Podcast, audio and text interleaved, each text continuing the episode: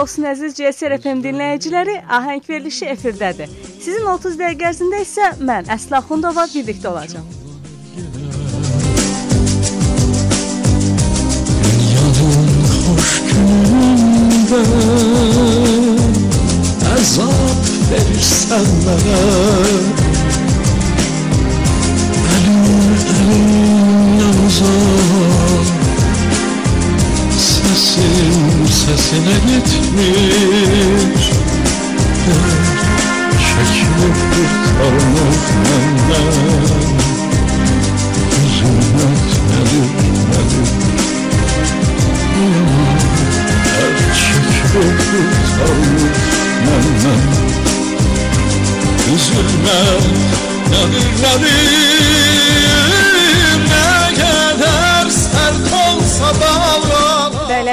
dinləyicilər, bu gün də Azərbaycan musiqisinə öz töhfəsini vermiş sənətkarlardan biri haqqında söhbət açacağıq.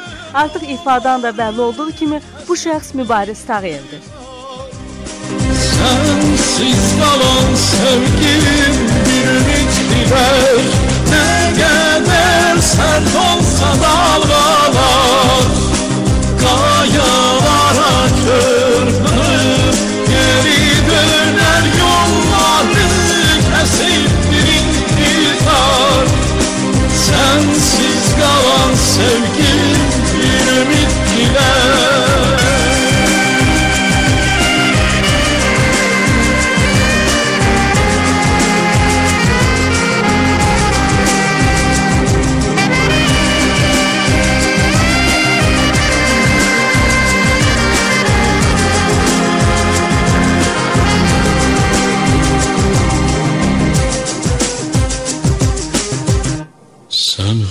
susam merhamda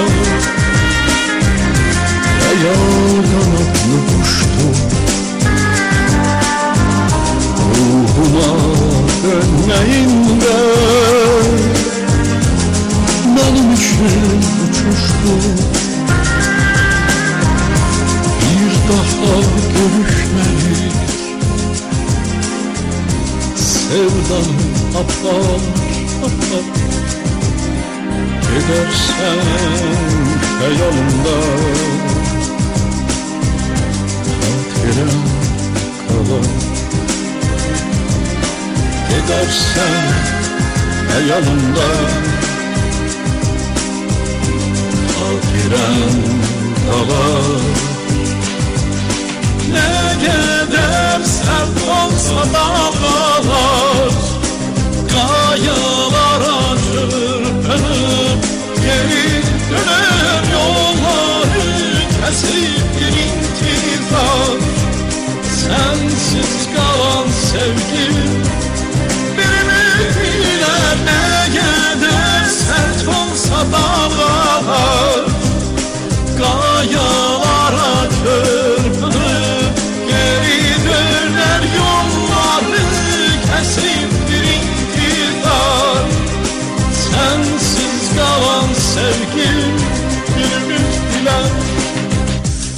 Sevenlerin tali amansız olar Məhəbbətin heykəli Baxılmaz qalar. Aylar ötər, il keçər, zaman dəyişər. Ürəklərin yarası, ürəklərin yarası Sanılmaz qalar. Sert olsa dalğalar Qayalara çırpınır Yüreğimde dolları esirdir intihar Sensiz kalan sevgim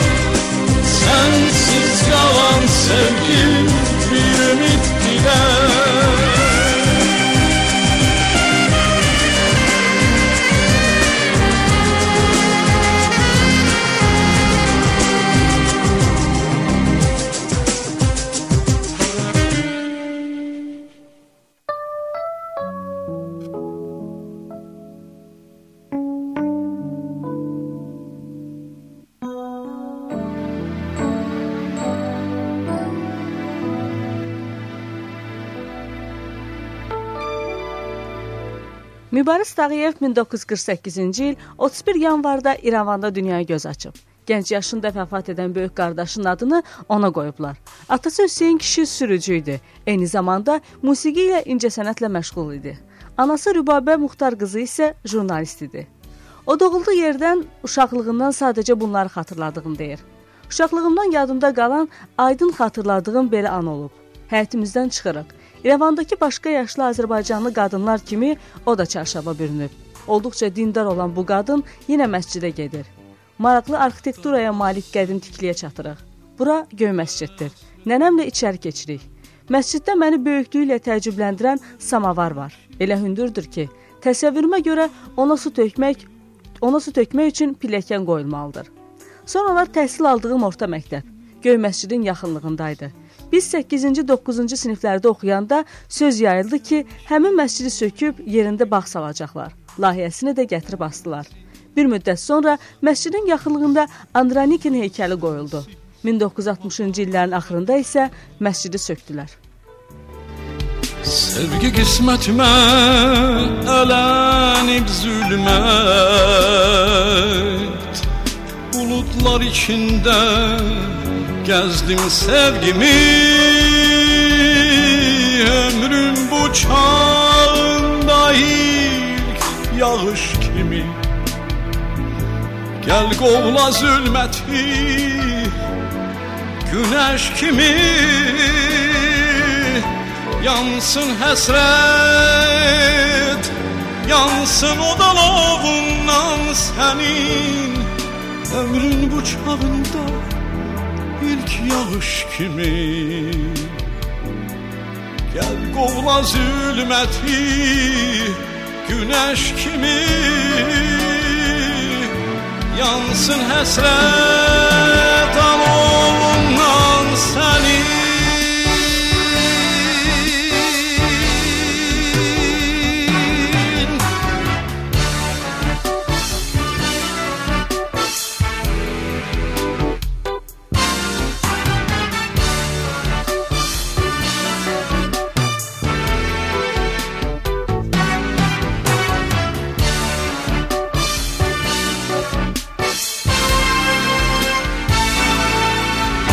damla suyun hasretiyle Candan kopan ruhum nefesiye.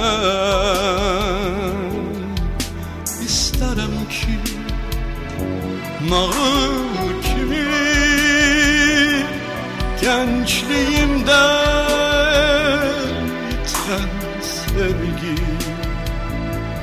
Menden ötür giden sevgi Geri döne, geri döne gece yuhu kimi.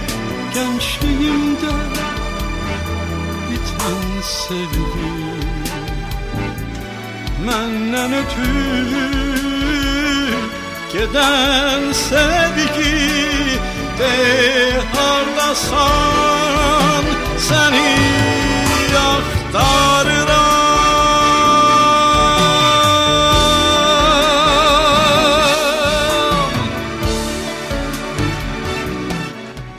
Orta məktəbdə oxuyarkən idmanla məşğul olmağa başlayır. Özü də bildirir ki, idmanla məşğul olmaq öz arzusu olub. Musiqiyə maraq isə onda qandan gəlirdi. Atası musiqiçi idi. Evlərinə gəlib gedənlər çox olurdu. Onların arasında yaxşı musiqiçilər, sənət adamları da olurdu. Musiqi istəyinin üzə çıxması isə maraqlı olub. Özü danışır. Bir dəfə hərarətim yüksəldi. Qızdırma içərisində səhərə qədər oxumuşam. Həkim gəldikdən sonra qızdırmam yavaş-yavaş keçib. Sonra qonşumuz mənim oxumağımı yadına salıb deyirdi: "Oxumaq da var, oxumaq da. Mübariz səhərədək elə oxuyub. Elə hər şey oradan başlayıb. Amma müğənni olmaq arzum yox idi. İdman vaxtımı çox alırdı. Sözün düzü, heç məktəbdə də oxumağa vaxtım olmurdu."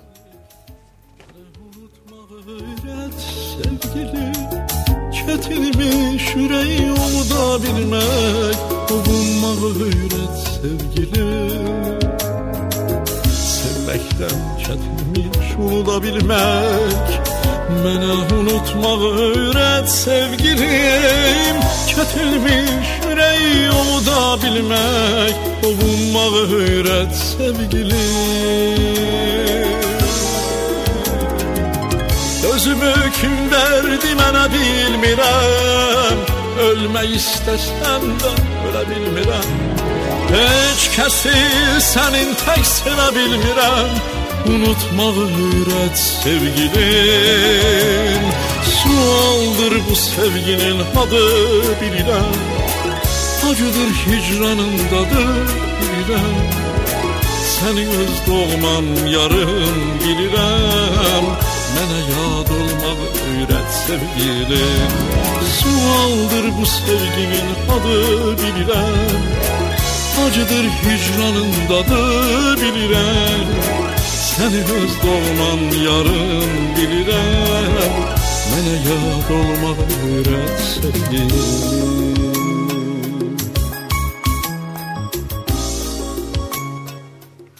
məktəbi bitirən ili bədən tərbiyəsi institutuna daxil olsa da, burada təhsili başa çatdıra bilmir. İkinci kursun yay imtahanı sessiyasında Babayan adlı müəllimi açıq-aşkar ona bildirib. Başa düşməlisən ki, sən burada oxumayacaqsan. Türk olasan, özün də erməni bölməsində təhsil alasan. Bu mümkün deyil. Qovuşan gün olacaqdır, qovuşmağı öyrət sevgilim. Baxışın gözümə nur olacaqdır. Kalbimden kalbime yol olacaktır. Ruhuma kavuşan gün olacaktır. Kovuşmağı öğret sevgili Sevgilim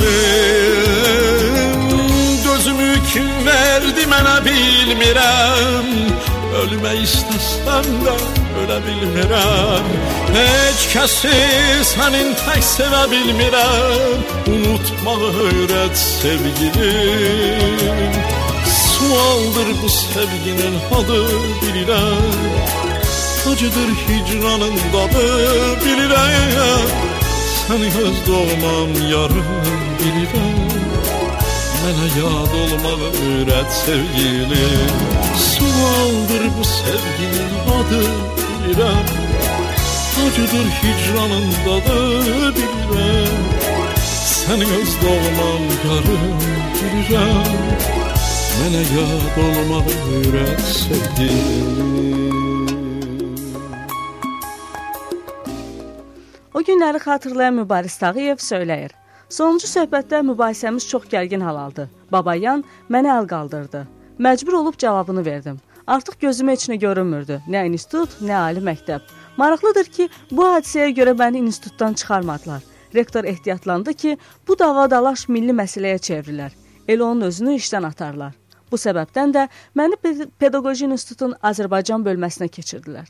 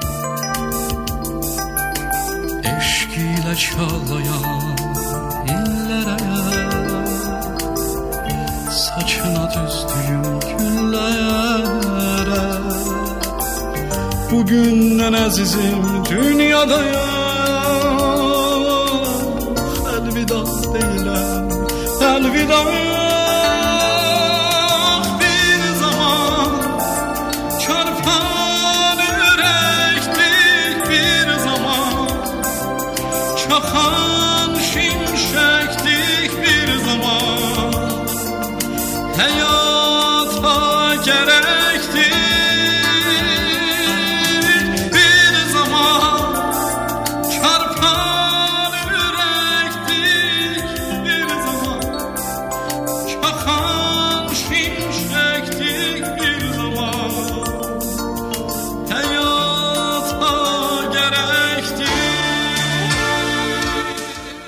Mübariz Tağıyev yaradıcılığa rock üslubunda işləyən müğənni kimi başlayıb.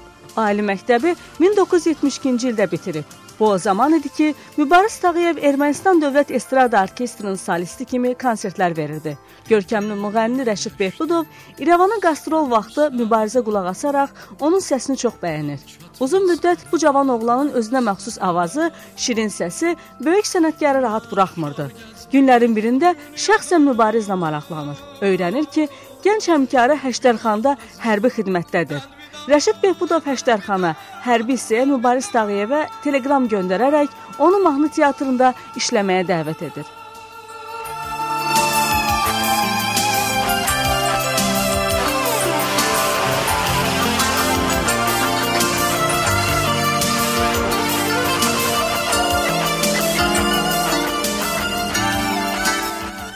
Bu xəbər Mübarizi çox sevindirir. Hərbi xidmət başa çatan kimi Bakıya gələn Mübariz Tağıyev Rəşid Behbudovla görüşür.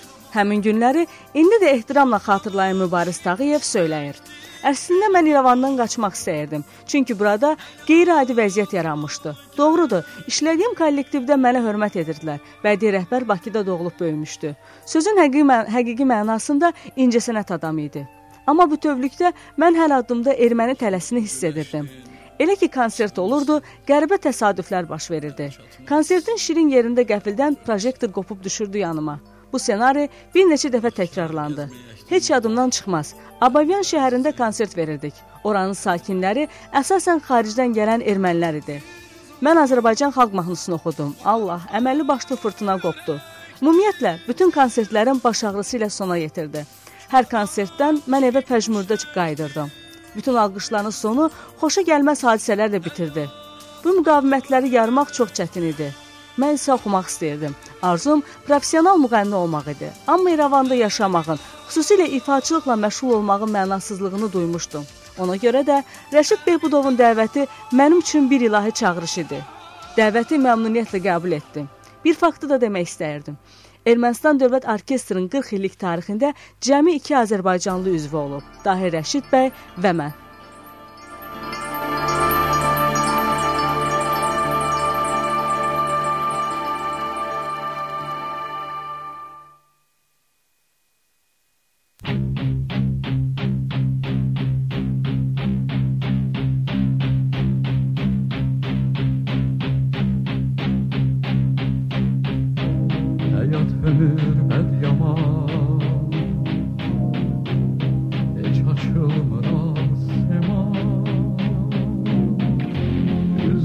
garip yaradan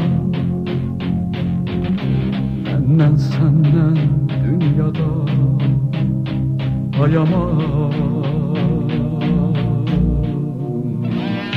Hayamam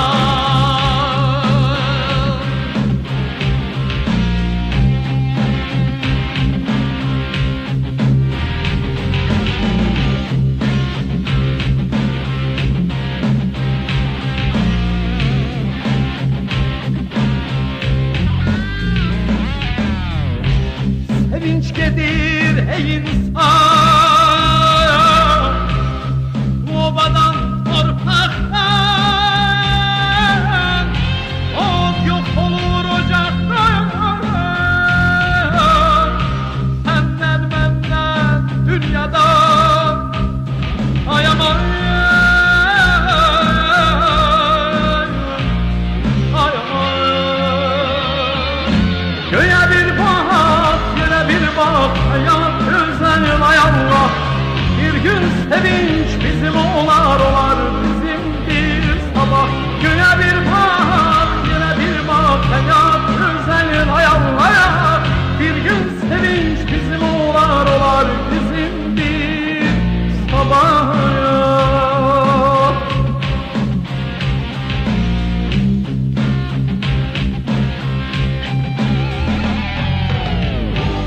Kayıt kayıt ey bahar. دانگیری بختیار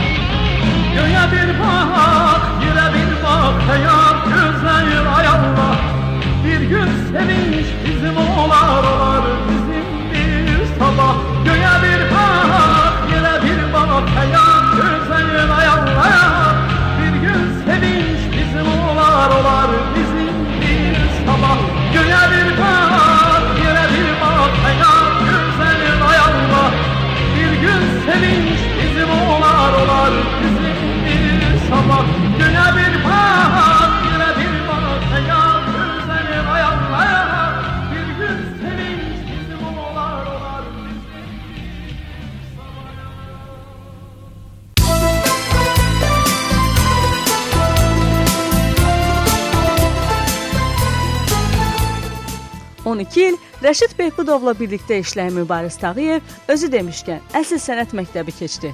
Azərbaycan televiziyasında debütü 1985-ci ildə Faiq Sücəddinovun Nəbi Xəzrin sözlərinə yazdığı Mavi Göyərçin mahnısı olub. Mübarizi çoxmilyonlu televiziya tamaşaçısına xalq artisti, bəstəkar Tofiq Quliyev təqdim etdi. Unudulmaz Tofiq Quliyev Mübariz Tağı- Tağıyev haqqında dəyərli fikirlər söylədi. O gündən başlayaraq Mübariz Tağıyev Azərbaycan musiqisinin yadda qalan və sevilən ifaçılarından birinə çevrildi. Ürəkdə Sönmez arzular Arzular temiz, arzular hezin. Arzular güzel, arzular Arzular bizim dünyanı gezin. Hayatın sesi arzular Arzular təmiz, arzular həzin Arzular gözəl, arzular Arzular bizim dünyanı gəzin Həyatın səsi arzular Cim mikrorayonda Bircəciyim, Yay gününün xəzan yarpaqları, Bəxt üzüyü və bir sıra filmləri üçün ifalar səsləndirib Mübariz Tağıyev. Kanadlı kuş kimi? Arzular ucalır. Her öten arzudan Güzellik dalır Kanadlı kuş kimi? Arzular ucalır. Her öten arzudan Güzellik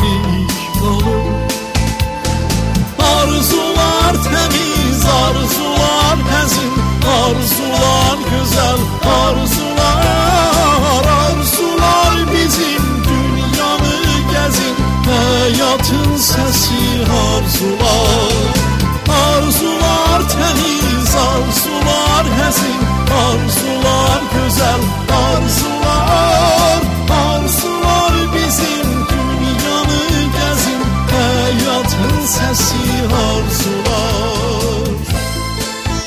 1995-1997-ci illər arasında musiqi verilişləri baş redaksiyasının böyük redaktoru, sonra isə ASTV-nin səsyazma evinin direktoru olub.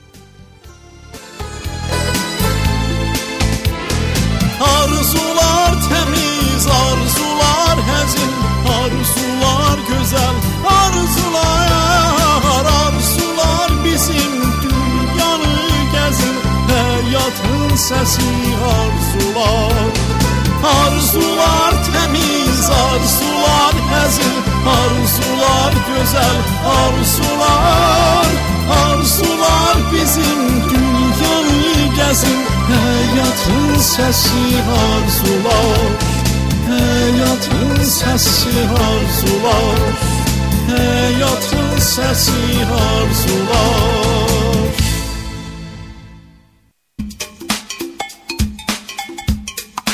Bir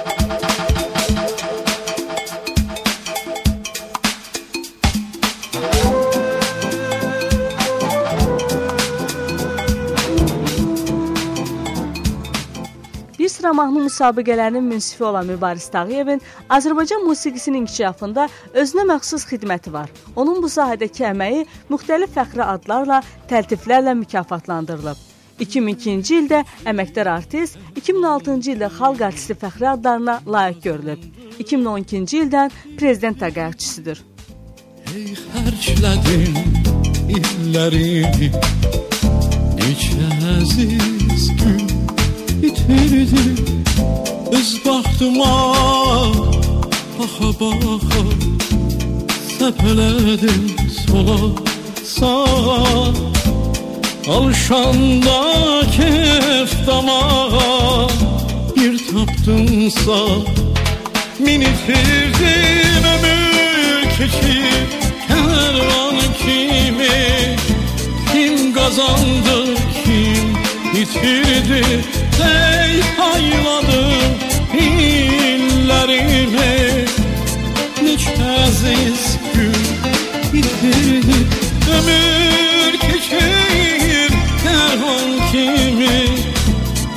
kazandı kim bitirdi?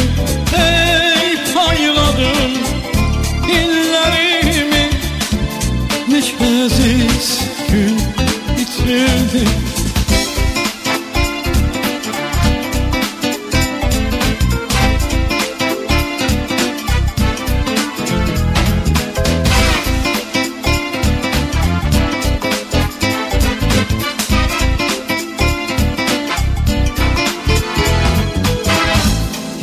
Canım güzel olanda Yıllarım ama bulanda Heriften kumar olanda Sevinç taptım Kemit girdim Söylediler Ömür kısa.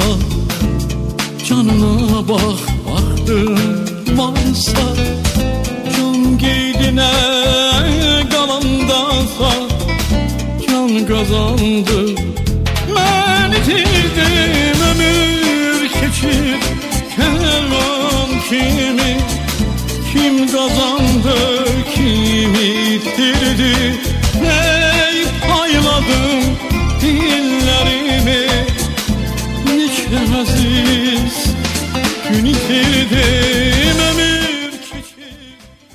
Bəli, əziz dinləyicilər, bizə ayrılan efir vaxtının sonuna gəlib çatdıq. Bu 30 dəqiqə ərzində isə sizinlə mən idim, Əsli Axundova.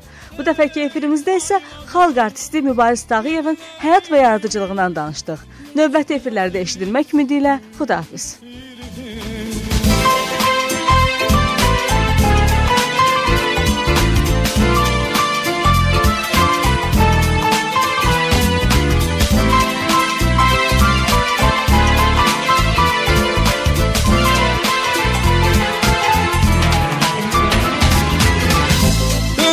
Keçir kervan kimi? Kim kazandı kim itirdi Ey xərclədin